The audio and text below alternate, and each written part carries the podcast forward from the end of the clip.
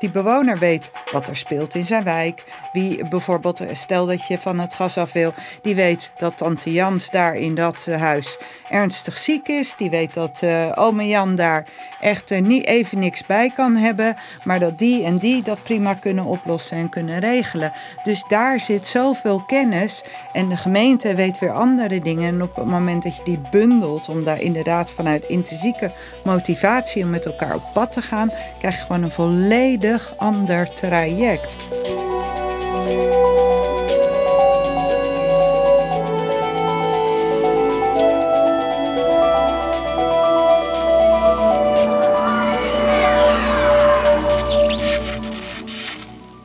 Welkom en fijn dat je luistert naar Participeter, de podcast over participatie in de energietransitie. Mijn naam is Bas Westerweel, televisie, radiomaker.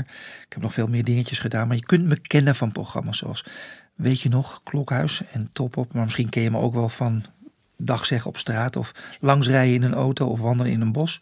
Maar samen met mijn co-host Maya van der Steenhoven onderzoek ik iedere aflevering hoe participatie in Nederland beter kan. En voor wie haar nog niet kent, Maya die is al ruim 25 jaar aanjager van de energietransitie in Nederland.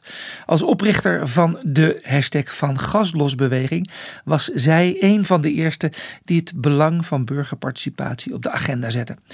Samen met ervaringsdeskundigen en experts gaan Maya en ik op zoek naar slimme oplossingen en goede voorbeelden. En in deze aflevering gaan we het hebben over starten met participatie. Hoe begin je nou eigenlijk?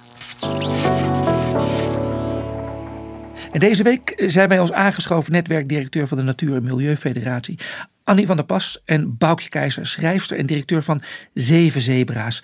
Een adviesbureau dat zich specialiseert in het realiseren van nieuwe verhoudingen tussen overheid en samenleving. Dus daar ligt die vraag. Uh, starten met participatie, hoe doe je dat nou hartstikke goed? Uh, maar eerst eventjes, voordat we elkaar uh, gaan bestoken met van allerlei. wat verstaan jullie eigenlijk onder participatie? Wat versta je eronder? Ja, voor mij gaat dat eigenlijk gewoon alleen maar over mensen die samen iets bedenken om uh, de wereld beter te maken. Dit is de stem van de zeven zebra's, Boukje Keizer. Ja, en jij? Ja, voor mij gaat het vooral om dat je mensen in staat moet stellen om mee te doen. En dat dat super belangrijk is als land. Dat je dan gewoon veel mooier en beter beleid krijgt. En dit is de stem van Annie van der Pas. En dit is de stem van Maya. Hi Maya. Hi, ja. En voor mij is participatie meer dan informatie en consultatie. Maar gaat het echt over dat mensen ook zelf iets mogen verzinnen. En zelf ook, nou ja, of het zelfs zonder de gemeente kunnen doen. En dan gaan we naar het onderwerp van deze aflevering. Hoe begin je met participatie? Ik hou van die vraag. Zo simpel, zo eenvoudig. Maar waarschijnlijk kunnen we er uren over praten. En maar het begint natuurlijk met de vraag. Dan gaan we ook weer de vraag laten beginnen. Wie participeert er eigenlijk met wie en met welk doel? En hoe zorg je onderling voor vertrouwen? Hoe werkt dat? Dat ligt eraan wat er op dat moment al speelt. Is er een initiatief die wat wil, dan heb je het over doelparticipatie. En bij doelparticipatie moet je daar beginnen. Als er al heel veel bijvoorbeeld wantrouwen is in een wijk, dan moet je daar beginnen. Ja, dus er is doel uh, uh, en dan is er wantrouwen. Oké, maar hoe ga je dan beginnen? Ja, ik geloof dat het bij het beginnen eigenlijk heel erg gaat steeds om de vraag: joh, wat, wat willen wij hier nou eigenlijk met elkaar? Mhm. en wie hebben we nodig om daarvoor uh, goede plannen te maken en te zorgen dat we ook echt iets goeds gaan doen? En dat kan per situatie verschillen. En soms zit die energie, zoals jij al zei, in de wijk en gebeurt er daar van alles waar we op voort kunnen borduren. Ja. Uh, en soms is het een uh, gemeente iets, iets wil, of een regio of, een, of het Rijk. En dan zullen we daar moeten beginnen. Maar nog steeds begint het altijd wel bij die vraag: wie heb je daarvoor nodig? En ben je bereid om echt te horen wat zij vinden? En wie stelt die vraag? Nou, dat kan dus afhangen van de situatie. Ja. Uh, nou, in heel veel situaties zal het gaan, zeker als je het over energietransitie hebt, is dat de overheid iets wil. Want het zijn niet altijd individuen die zo ver vooruit kunnen kijken dat ze beseffen, ik kan iets betekenen wat over de toekomst uh, van onze wereld gaat. Dus het is vaak een overheid, een van de overheden die, mm -hmm. uh, die ergens mee begint. Um, en die kijkt van wat is er al gaande in de wereld en waar kunnen we dat, uh, wat kunnen we daarin benutten? En wie moeten we daar nog bij hebben? Zijn dat experts? Zijn het belangenpartijen? Ja. Zijn het uitvoerders? Uh, alles is mogelijk, maar je moet wel uh, weten wat je wil. Ja, okay. dat, ja. dat laatste is misschien nog wel het allerbelangrijkste. Want er is vaak toch niet helemaal een gedeeld beeld bij wat willen we nou. dan bijvoorbeeld als je het hebt over aardgasvrij dan komt men met het verhaal: de wijk moet van het gas af. Maar Ja. is dat echt wat we willen? Is het niet gewoon bijvoorbeeld CO2-reductie? Heel vaak worden doel, middelen, eh, opgaves door elkaar gehaald. En eigenlijk begin je dan al een beetje dat gesprek verkeerd. En daarom vind ik het heel belangrijk wat jij zegt. Je moet echt wel weten wat je wil.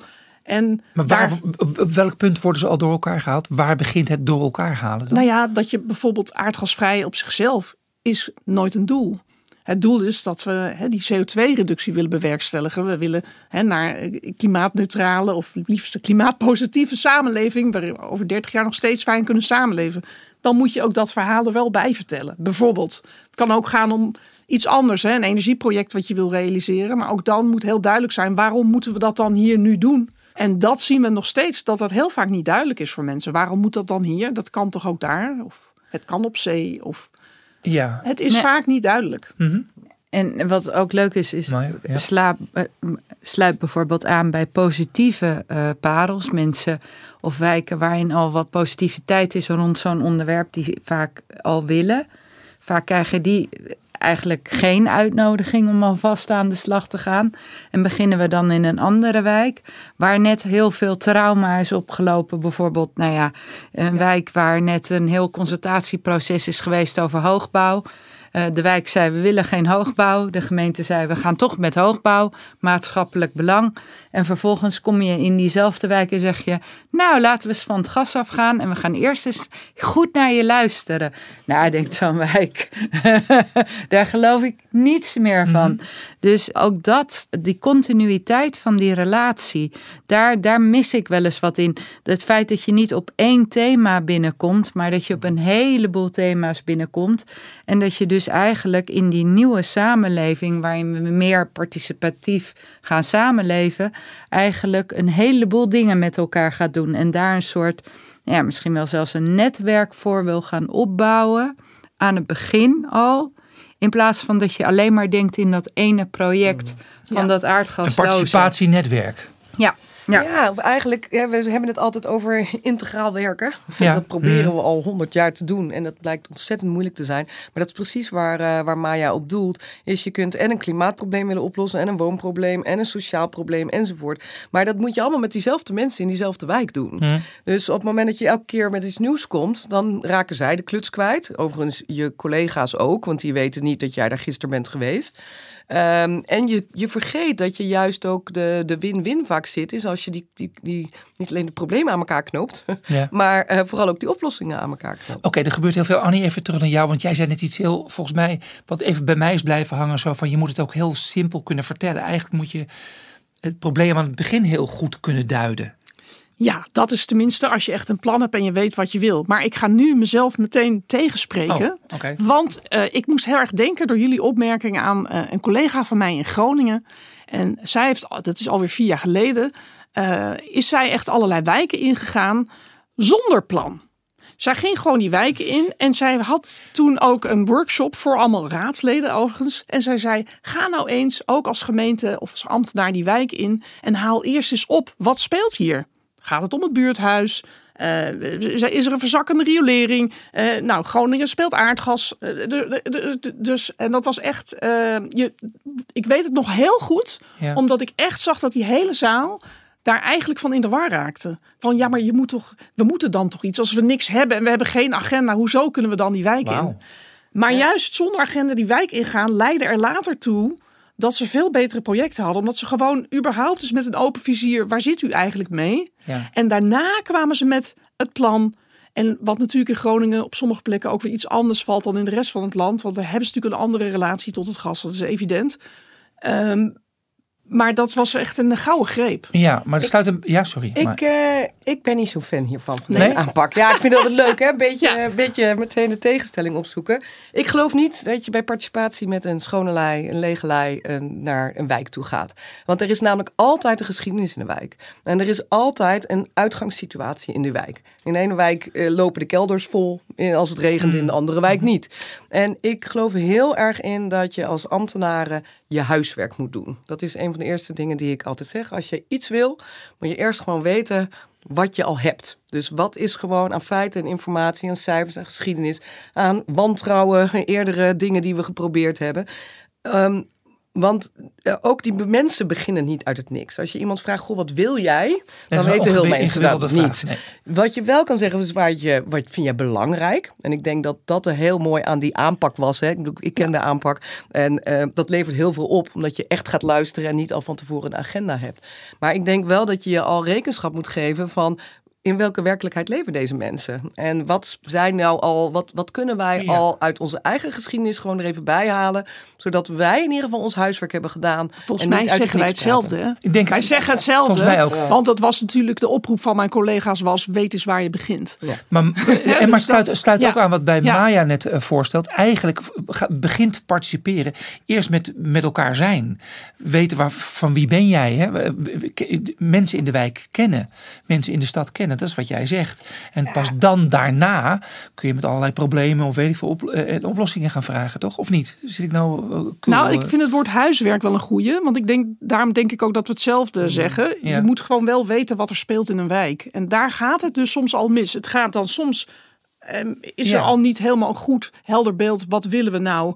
Eh, en waar willen we naartoe? Maar vaak is er ook niet helemaal een helder beeld van wat speelt er in de wijken. Dat is eigenlijk wat Maya net schetste. Ja. Dan kom je inderdaad in die wijk terecht waar net al heel veel sores is geweest. En geen initiatief zit bijvoorbeeld. En dan wil je wel dat ze meedenken over... Ja. Ja. et cetera, et cetera. Ja, ik denk dat we ook echt een neiging hebben om met een plan te komen. Ik zie dat eh, toch wel ook rondom energiearmoede nu gebeuren. Eh, eh, hoe ga je om met energiearmoede? Geef je iedereen een voucher of eh, sluit je aan bij eh, allerlei lokale eh, trajecten? Is dat we eigenlijk gewoon verzinnen achter ons bureau wat mensen nodig hebben.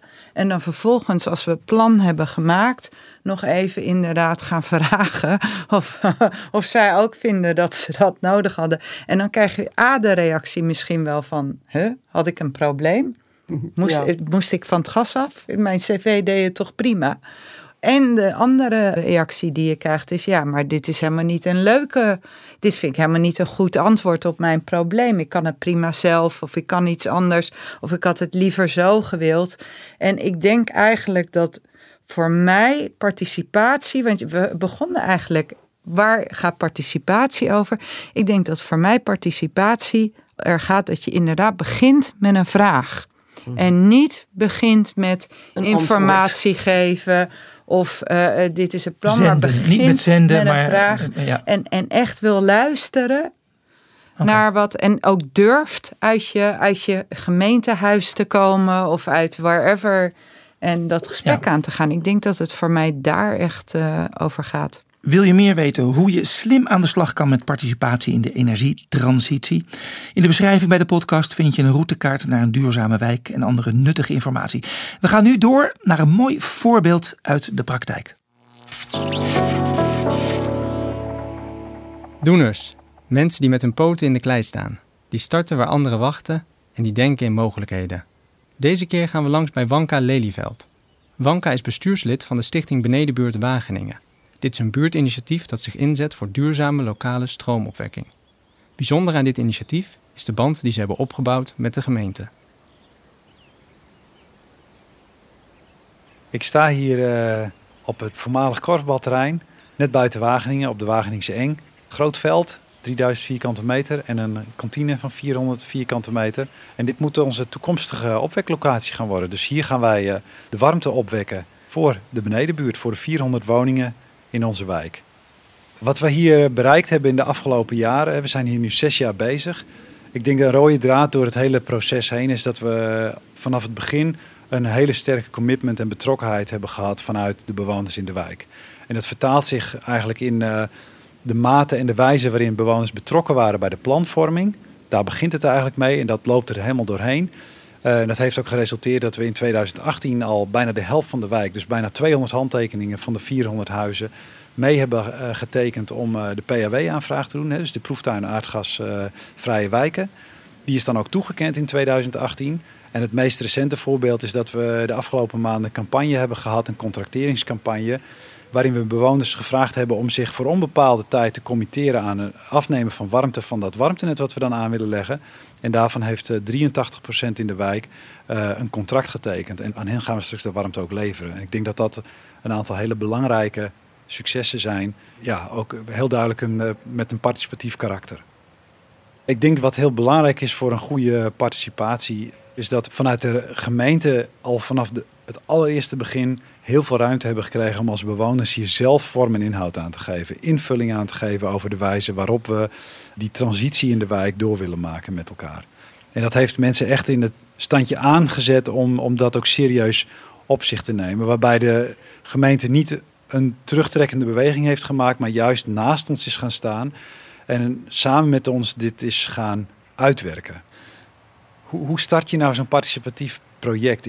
in ons geval kwam het vanuit de wijk en wat heel belangrijk is geweest is voor ons traject om van, van de grond te komen, is het feit dat die rioleringsvervanging aanstaande was. En dat hebben wij bij de gemeente neergelegd. En die heeft het eigenlijk gelijk, zoals gezegd, met beide handen aangegrepen om daarmee samen met ons uh, dat uit te werken. En dat, dat haakje, bij ons was dat de rioleringsvervanging. Ik denk dat dat heel belangrijk is, dat je als gemeente of als bewoners of samen gaat kijken van wat is er in deze wijk, of in deze buurt of in dit dorp, dus deze stad, wat, wat zijn daar de aanknopingspunten om, om uh, samen aan de slag te gaan rondom een concreet onderwerp.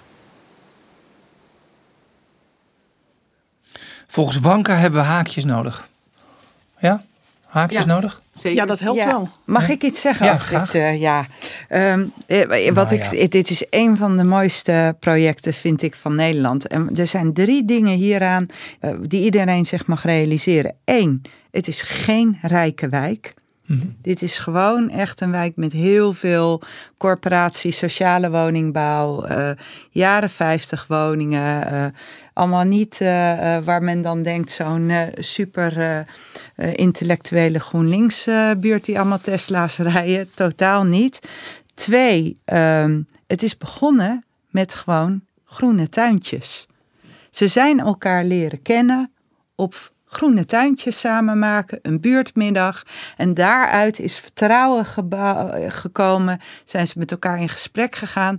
En dat is nu, wordt dat een warmtenet. Dus Ja. het begint niet bij van het gas afgaan. Nee, Zeg maar. En het derde is dat de gemeente zich echt volledig faciliterend heeft opgesteld. Er is dus niet iemand gekomen die zei: Oh, wat leuk, jullie hebben een plan. Nou, dat pak ik wel even over. en dan ga ik Ja. jullie ontzorgen. maar ze hebben echt de volledige vrijheid gekregen om daar alle fouten in te maken, om met elkaar op pad te gaan en dat helemaal zelf te doen. En ze hebben daar fix veel geld ook voor gekregen. En een pot die ze zelf al konden beheren. Uh, Wauw. Dus het is Ja, echt wel een, een- Zo zou heel Ja. Nederland van mij mogen. ja, zeg maar. de energie spat er weer vanaf. Wil je nog reageren op wat je hebt gehoord? Ja, ik hoorde ook drie eh, succesfactoren. Eén, de zeggenschap. Dus inderdaad, de zeggenschap pakken, maar hem ook krijgen. Ik denk dat Oh ja. vaak, hè, dat vaak gebeurt maar één van de twee. Ehm, twee, inderdaad, die faciliterende gemeente. En dat is toch wel bijzonder. Want dat, ja, daar horen wij ook wel soms andere dingen over. Of je wordt toch een beetje van, oh ja, lastige vrijwilligers. Of, oh, we weten toch niet helemaal. Of wat is dat dan eigenlijk en wat moeten we dan? Of we hebben geen potje en geen visie en beleid. Dus dat is heel bijzonder, denk ik. En de derde, het haakje met andere dingen die er spelen in de wijk. Waardoor je een natuurlijk moment kan creëren Ja. om hier iets mee te doen. is daar. Ja, en ik denk het vierde is ook wel belangrijk. Dat zien wij ook veel bij de Natuur- en Milieufederaties. We hebben al jarenlang ondersteuningspunten op voedselinitiatieven, energieinitiatieven en ook landbouw steeds meer initiatieven. En je ziet dat dat allemaal door elkaar heen loopt. Het is niet Ja. alleen maar een energieproject of alleen maar dat voedselbosje of inderdaad die moestuin. Het zijn vaak dingen die uit elkaar ontspruiten. En Ja. ehm, Hm. ja, Je, je maakte van drie even vier punten, hè? maar dat maakt Ja, niet uit. hè? sorry. Heb jij ook, eh, hoeveel heb jij er? Nou, er zijn dezelfde zijn eh, genoemd die Nee, ik. Wat ik nog eentje die ik daartoe wil voegen, Ja. is wat hieruit blijkt, is ehm, het wordt, het is leuk. Wauw. Ik eh, geloof heel erg dat participatie, ik, ik schrijf het heel vaak als participatie. Ja. Eh, op basis van een, een, een hele gevleugelde uitspraak van Jim Deers, een grote eh, sociaal ontwikkelaar in Chicago. En die zegt: Why have a meeting when you can have a party? Wauw. Heel Ja. veel dingen, als je iets samen wil realiseren en het gaat over vergaderen en we moeten bij elkaar in een zaaltje, dan ben je het gros van de gewone mensen kwijt. Ja. Maar als het een buurtborrel is en het Nou is in mijn Maya tuintje. tuintjes. ja, ik zit gewoon thuis hier lekker te schoffelen en we drinken straks een biertje erbij. Dan is het opeens leuk, dan is het dicht bij mij, het is persoonlijk. En eh, dan heb je ook een vergadering, alleen noemen we het gelukkig niet zo. Waardoor mensen die ook eh, niet gewend zijn om te vergaderen, het ook opeens is, ja, wij- dit kunnen wij ook, dit zijn wij namelijk. Ja. Dit sluit aan op ons leven. Sterker nog, het is ons leven. En wij, wij passen dat toe op de onderwerpen die toevallig ook allemaal bobo's heel interessant vinden. Oké, terug naar de, de, de hamvraag van vandaag is hoe begin je met participatie? Die begrijp ik natuurlijk goed. Als je het fijn hebt met elkaar, dan komt er wel iets uit. En het vertrouwen kan je dan krijgen. Maar het heeft dus ergens ook te maken met ingebed moet worden in, nou komen ze, jouw onderwerp eigenlijk, regels. En we moeten afspraken gaan maken. Een gemeente moet ruimte geven, want het gaat over grote trajecten. Het gaat ook over geld. Hoe krijgen we het zeg maar van die gezelligheid naar... ehm, als het begonnen is in de gezelligheid, hoe krijgen we het dan naar uitvoering toe? Hoe krijgen we het dan dat er daadwerkelijk iets gebeurt?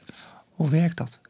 Ik denk dat je als gemeente dat het heel belangrijk is dat je ook visie hebt. Op, en vaak wordt er veel gepraat over participatie. Ja, Maar pel je het dan af, dan is het toch moeilijk voor veel eh, ambtenaren of raadsleden en ook nog politici om echt te weten van waar hebben we het nou over. En dan komt men vaak toch weer uit op die twee of drie avonden. Terwijl er misschien iets heel anders nodig is. Wat er misschien nodig is, is inderdaad een klein potje.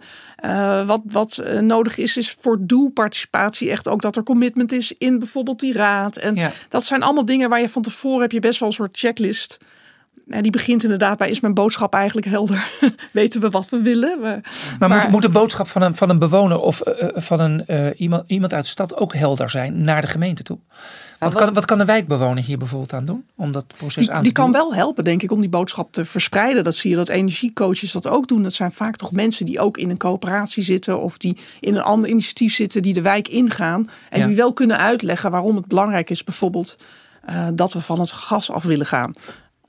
Ik, ik merk zelf wat, ik heb me ooit verdiept in de motieven waarom we participatie doen.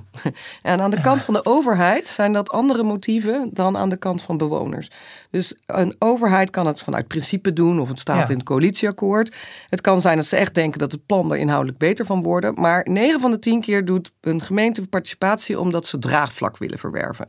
Nou, er is nog nooit een bewoner naar een bewonersavond gekomen om draagvlak te bezorgen voor een gemeente. Dus die bewoner die doet mee omdat hij denkt dat hij er verstand van heeft, omdat hij bang is voor de consequenties van als ik niet mijn mondje roer. Ja. Maar er zit dus een de mismatch tussen de motieven die de overheid heeft om zo'n traject te starten en de motieven waarom anderen de behoefte hebben om mee te doen.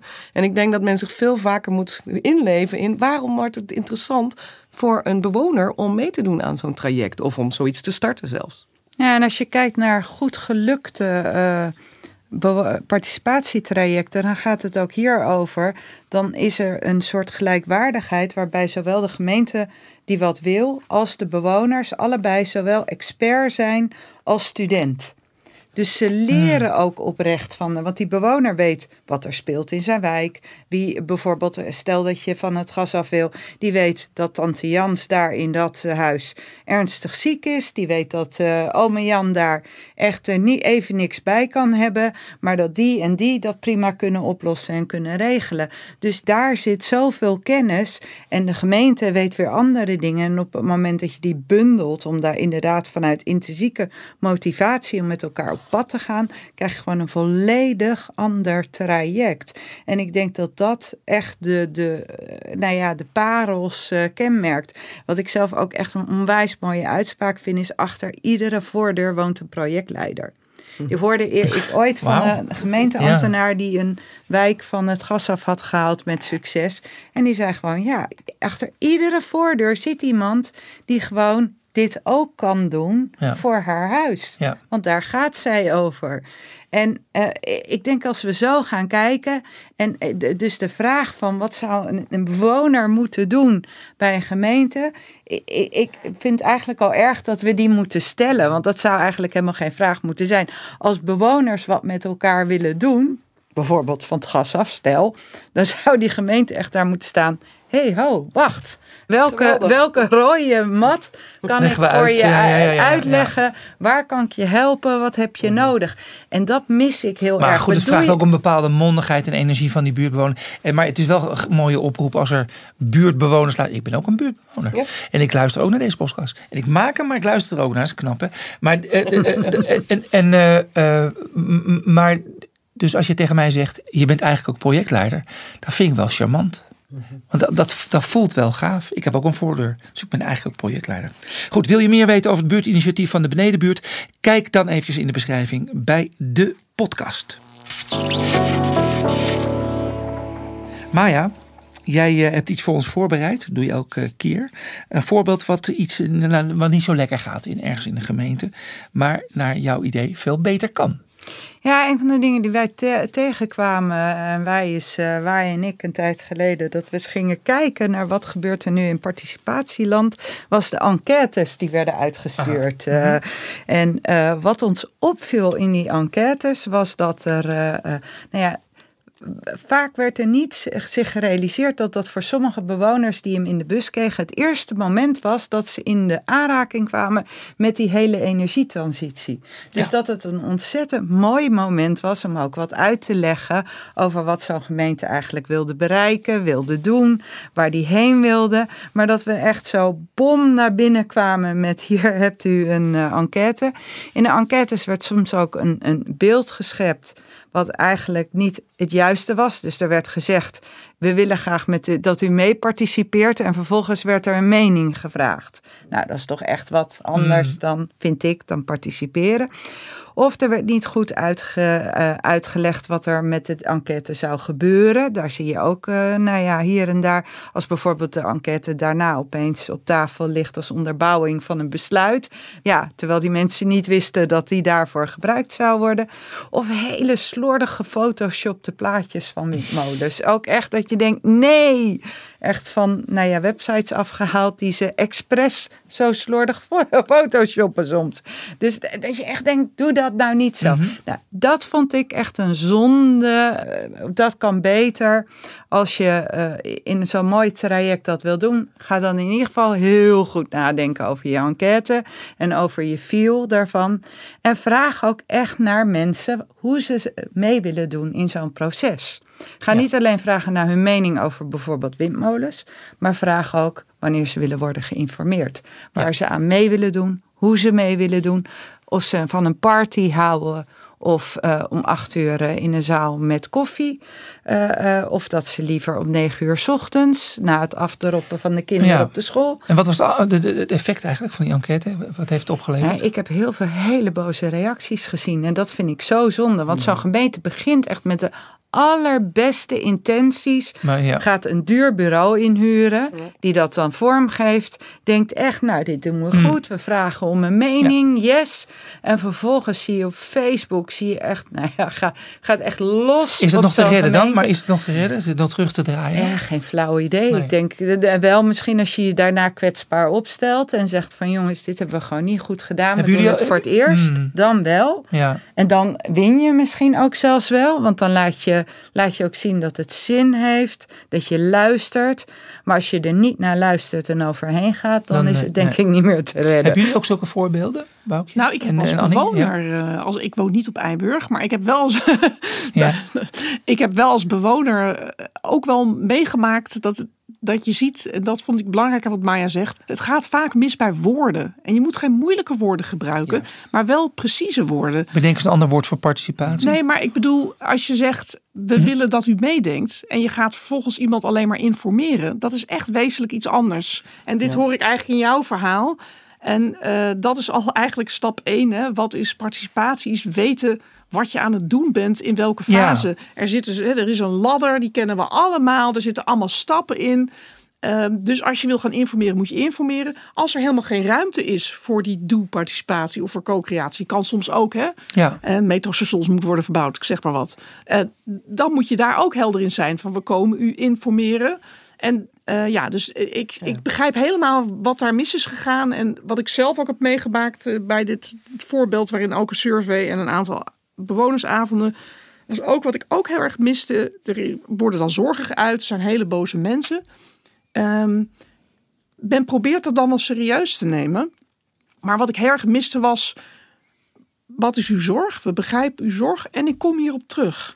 En, En en dan wat- hoef je, echt doen. En dat dan ook echt doen. maar je bedoelt eh, vooral het laatste. We komen erop terug. Omdat, ja, als je dat Ja, niet goed zegt en meeneemt, dan denk je als bewoner, ik heb nu zitten roepen hier vanavond, was niet ik hoor, maar, eh, Mhm. maar je weet ook niet wat er dan mee gebeurt. Dus Ja. dat is, waarom zou je eigenlijk, je voelt je dan ook al niet zo serieus genomen. En hoe is dat afgelopen? Nou, niet zo goed denk ik. Nee? Nee. Ik heb wel een voorbeeld wat, eh, waar we het mooi hebben om kunnen draaien.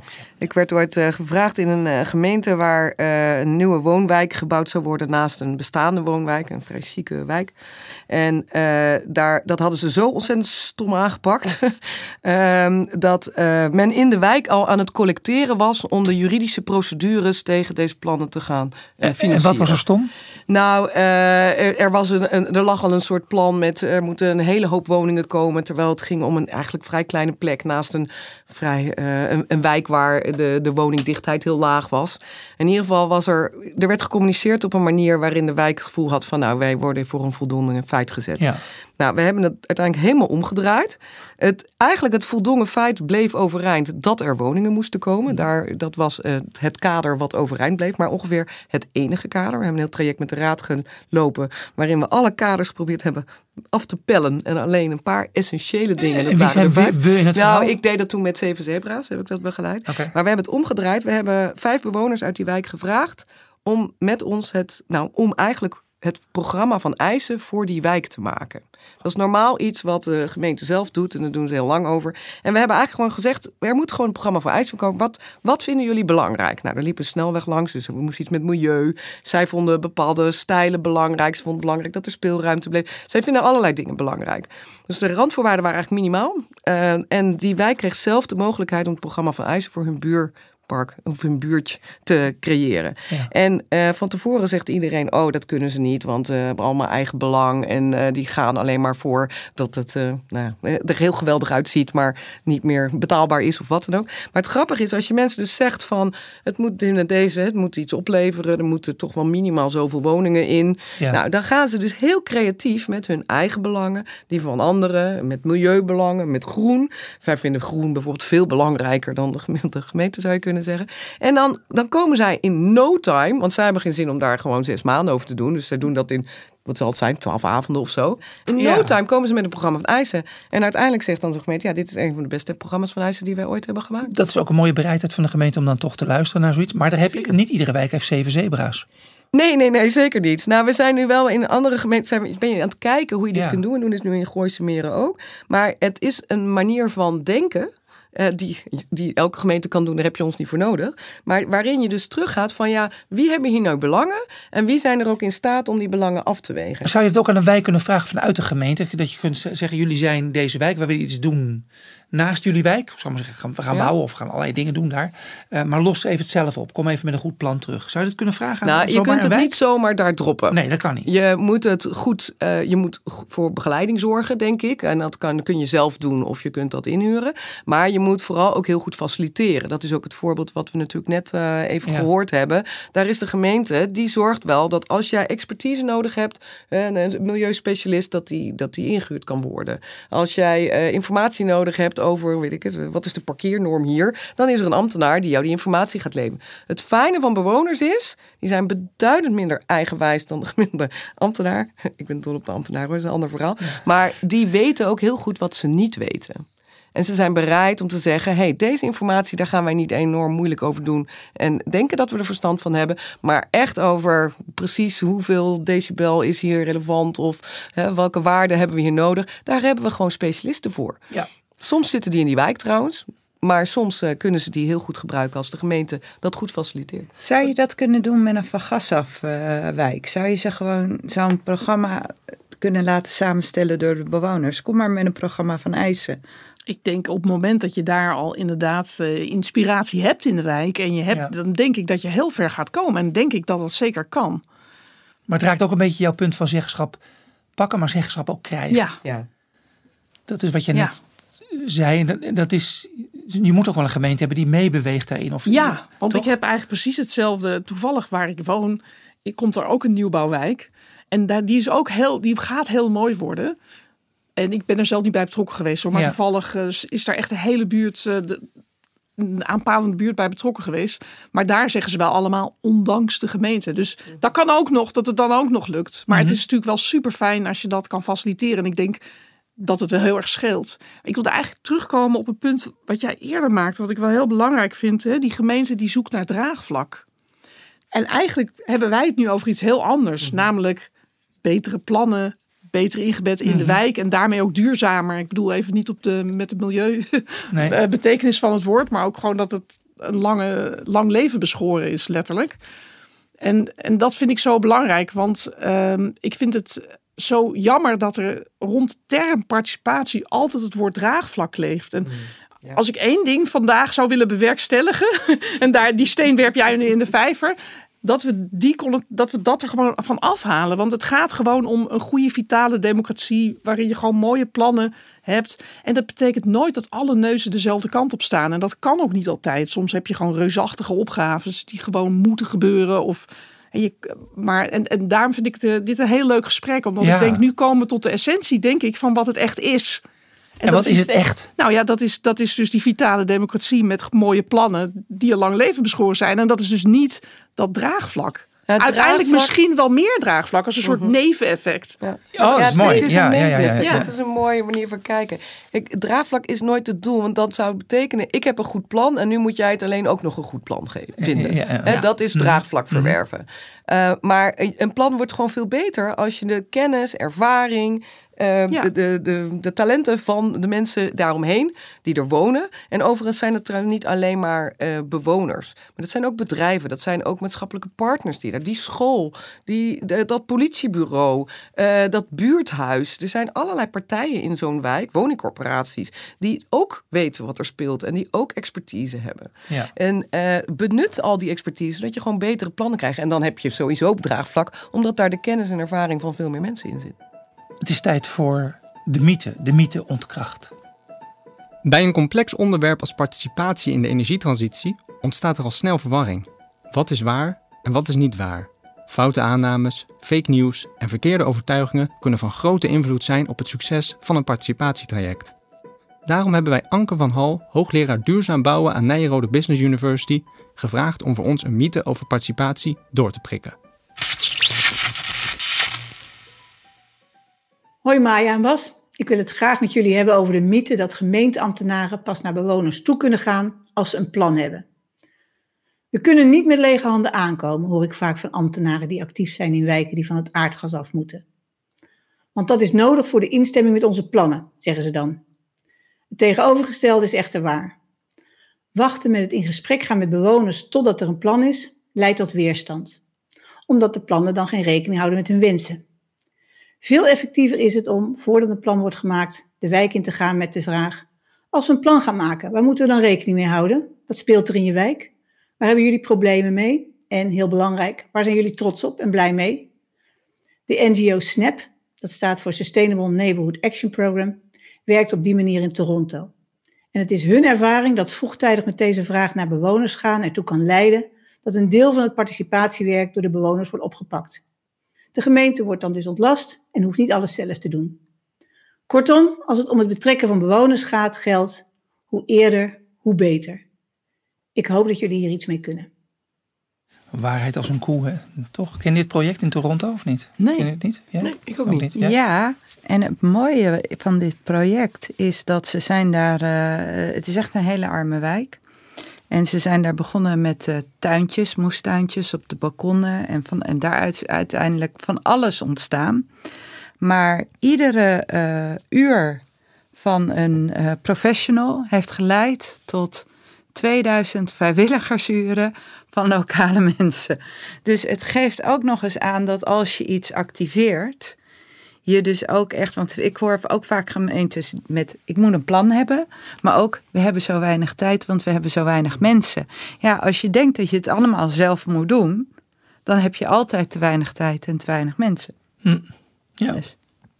Maar, maar gaat, ik ben even in mijn eigen hoofd verdwaald geraakt. Eh, gaat het over Moet je mensen activeren of moet je gewoon altijd aanstaan? Gewoon? Moet, je, moet je gewoon niet altijd die thermometer in die wijken hebben? Moet je niet altijd daar zijn? Weet ik, het klinkt zo als we, alsof pas als er een plan gemaakt wordt, dan gaan we wijken in en dan gaan we aan de slag. Moet niet altijd het gesprek daar zijn. Moet niet altijd de wijk gevoeld worden in, in een gemeente.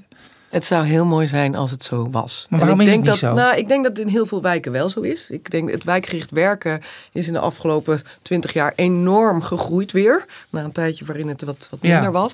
Ik denk wel dat men steeds meer beseft dat eh, je die continu die vingersprieten in die wijk Ja. moet houden. Die voelsprieten. Dat gebeurt ook Ja, maar dat is misschien te weinig. Maar wat, waar denk ik misgaat, is dat er in zo'n organisatie vaak een grote afstand is tussen die wijkmanagers en de verschillende verkokerde afdelingjes. Ah, die dus een opdracht krijgen vanuit het Rijk om op een bepaald terrein iets te moeten doen.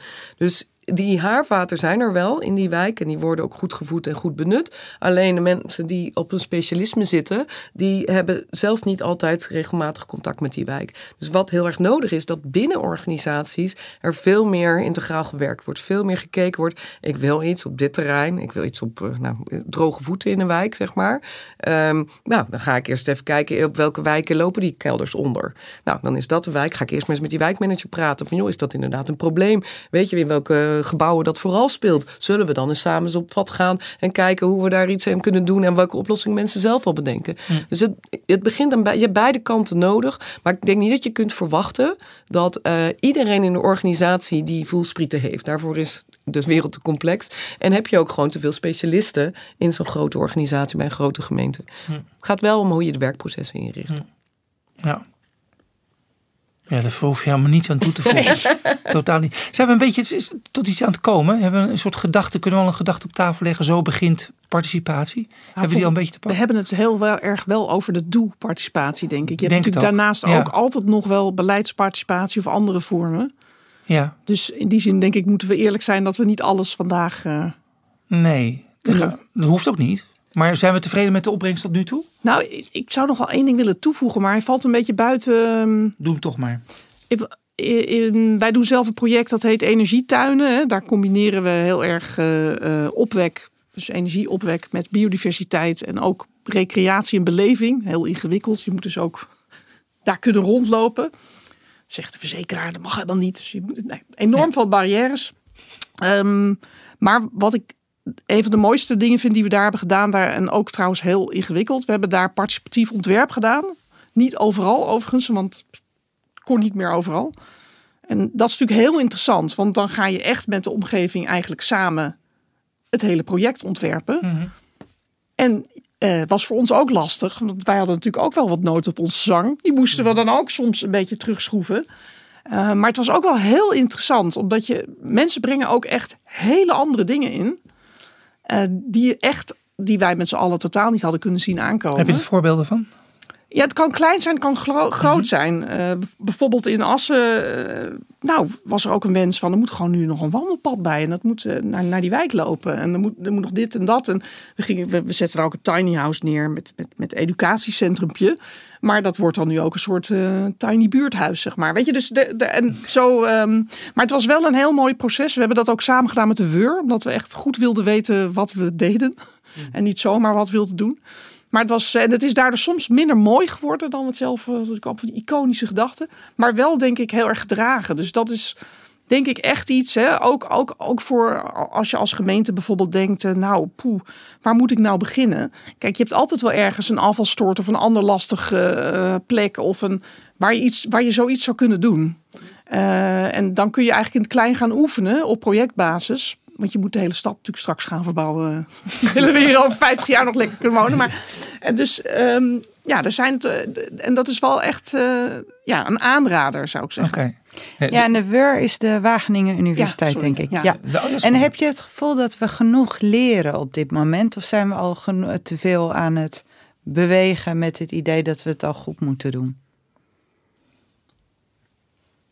Ehm, nee, ik maak me wel zorgen. Ehm, en nou, dan ga ik iets heel lullig zeggen, maar in mijn hoofd, uiteindelijk gaat het allemaal om geld.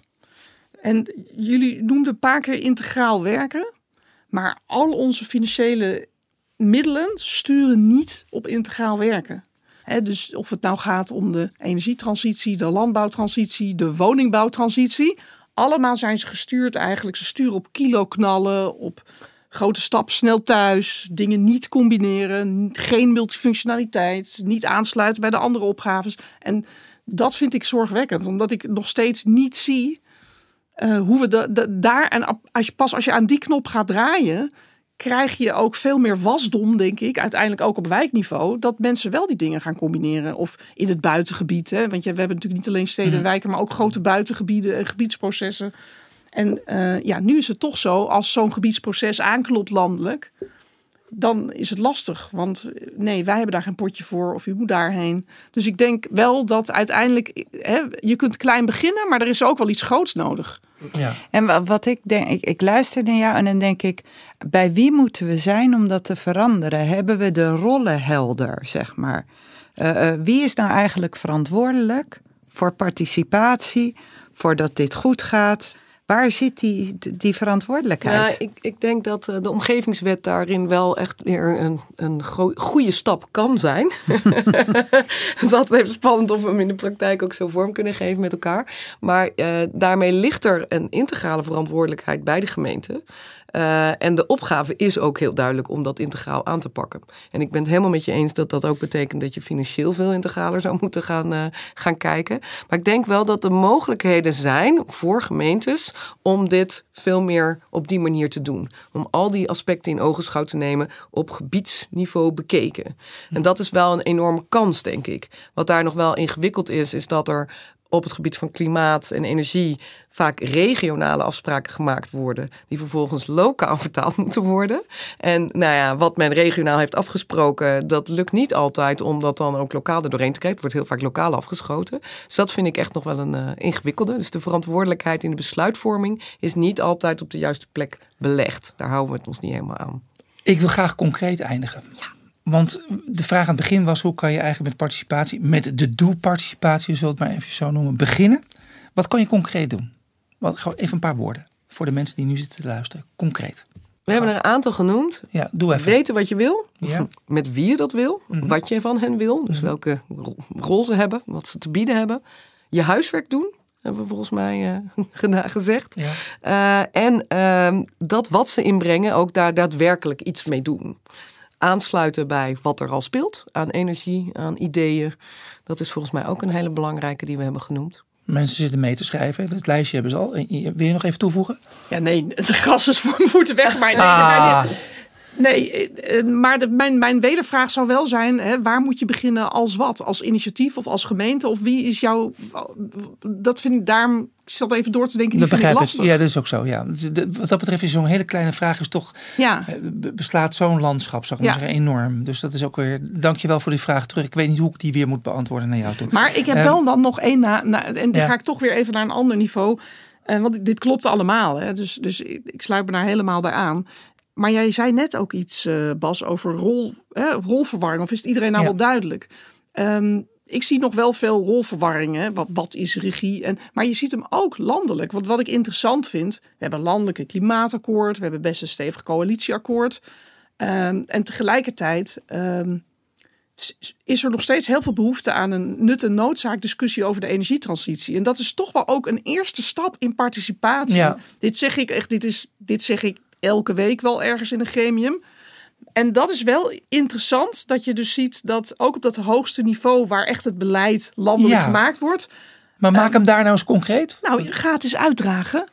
Dus pak je rol. Pak je rol en, en, ga, en ga, maar, ga maar elke week die klimaatpersconferentie houden. Zeg maar waar je staat, wat er nodig is. Prachtig. Wat er moet gebeuren. Maar heel concreet zou kunnen zijn, elke week, huppatee. Elke week klimaat, elke maand. Ja. Jongens, dit is urgent. En ook met die energiecrisis, hè, had je ja.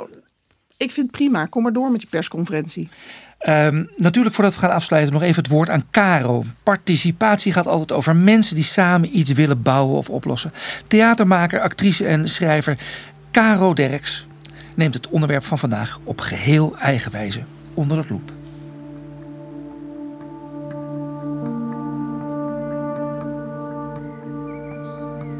We waren natuurlijk al lang begonnen voordat we begonnen. Beginnen is een mindset. Een keuze, een aanduiding, in de tijd. Hoe begin je is dus een stomme vraag. We waren al lang begonnen. We zijn al begonnen, nu. Dus stomme vragen bestaan niet. Dus wanneer beginnen we? En wie gaat van start? Wie neemt wat mee? Wie wijst naar wie? Wie stuurt wat aan en wie bepaalt het kader? Wie geeft er ruimte? Echt ruimte. Geven. Hoe laat je je kaders vallen tot een eerlijke dialoog? Kunnen we niet. Niet doen alsof. Geen reflexen. Praten zonder luisteren. Luisteren vergt aandacht. Aandacht is misschien wel een benadering van liefde. Aandachtig kijk ik naar je. Ik zie dat je mooi bent. Ik zie dat je dorst hebt.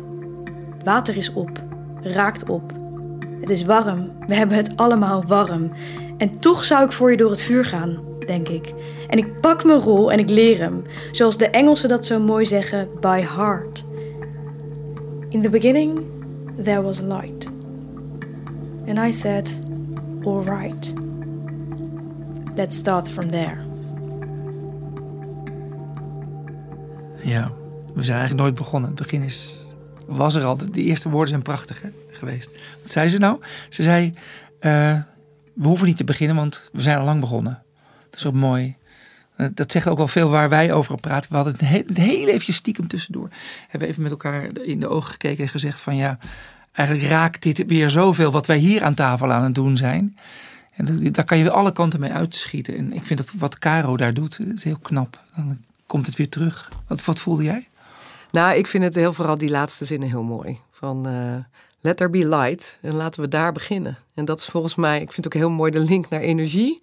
De energie die er al is bij mensen in die wijken. Laten we daar beginnen. Want daar is het, is het vuurtje al brandende. Hoeven we hmm. alleen nog maar op te stoken met elkaar. Ja, ik vond het heel mooi uh, dat ze het eigenlijk terug liet komen. Dat het ook gaat over commitment. Door ze het over aandacht, ik zie je, liefde. En we begonnen deze podcast met, nou, je moet meten wat je wil, maar daar zit ook een soort commitment achter en drive en ergens voor gaan en voor staan. En uiteindelijk is dat waar alles begint. En als jij zegt begint, dan eindigen we Maya. Ja, wat, wat, we hebben iedereen een rol gegeven. Gemeenteraden moeten kaders scheppen, uh, overheid moet uh, initiatief tonen. Burgers moeten dingen doen. Maar de vraag is of we iedereen wel een rol hebben gegeven die ze ook hebben aanvaard. En als je hem niet hebt aanvaard, hmm. ga je hem ook niet pakken. Dus eh, ik, ik heb het gevoel dat daar wel iets zit. Misschien zit daar wel iets in voor de volgende podcast. Zou zomaar kunnen. Rollen in participatie. Zou zomaar kunnen. Je luistert naar Participator, de podcast over participatie in de energietransitie. Annie, Boukje, hartelijk dank dat jullie bij waren vandaag. Dat heeft, uh, heeft me veel energie gegeven. Dank jullie wel. En deze aflevering werd gepresenteerd door mij, Bas Westerwil, samen met Maya van der Steenhoven. Wil je meer weten of heb je nog vragen? Kijk dan in onze beschrijving bij de podcast. Daar vind je links en verdiepende artikelen naar alles wat wij vandaag besproken hebben. Sponsor van deze aflevering is de Natuur- en Milieufederaties. Zij zetten zich in voor een duurzame en natuurinclusieve samenleving. Participator is een initiatief van Wise Strategy Consulting. En de volgende mensen werkten mee aan deze aflevering. Producent Paul de Ridder. Uitvoerend producent, regisseur, redacteur Imme Gorter. Audioproducent, eigenlijk is hij gewoon technicus, maar hij is ook een tovenaar, Frans de Rond. Muziek door Frans de Rond en André Heuvelman. Met speciale dank aan Wanka Lelyveld en Anke van Hal voor hun bijdrages. En theatermaker, actrice en schrijver Caro Derks voor haar prachtige reflectie. Bedankt voor het luisteren. Tot de volgende keer.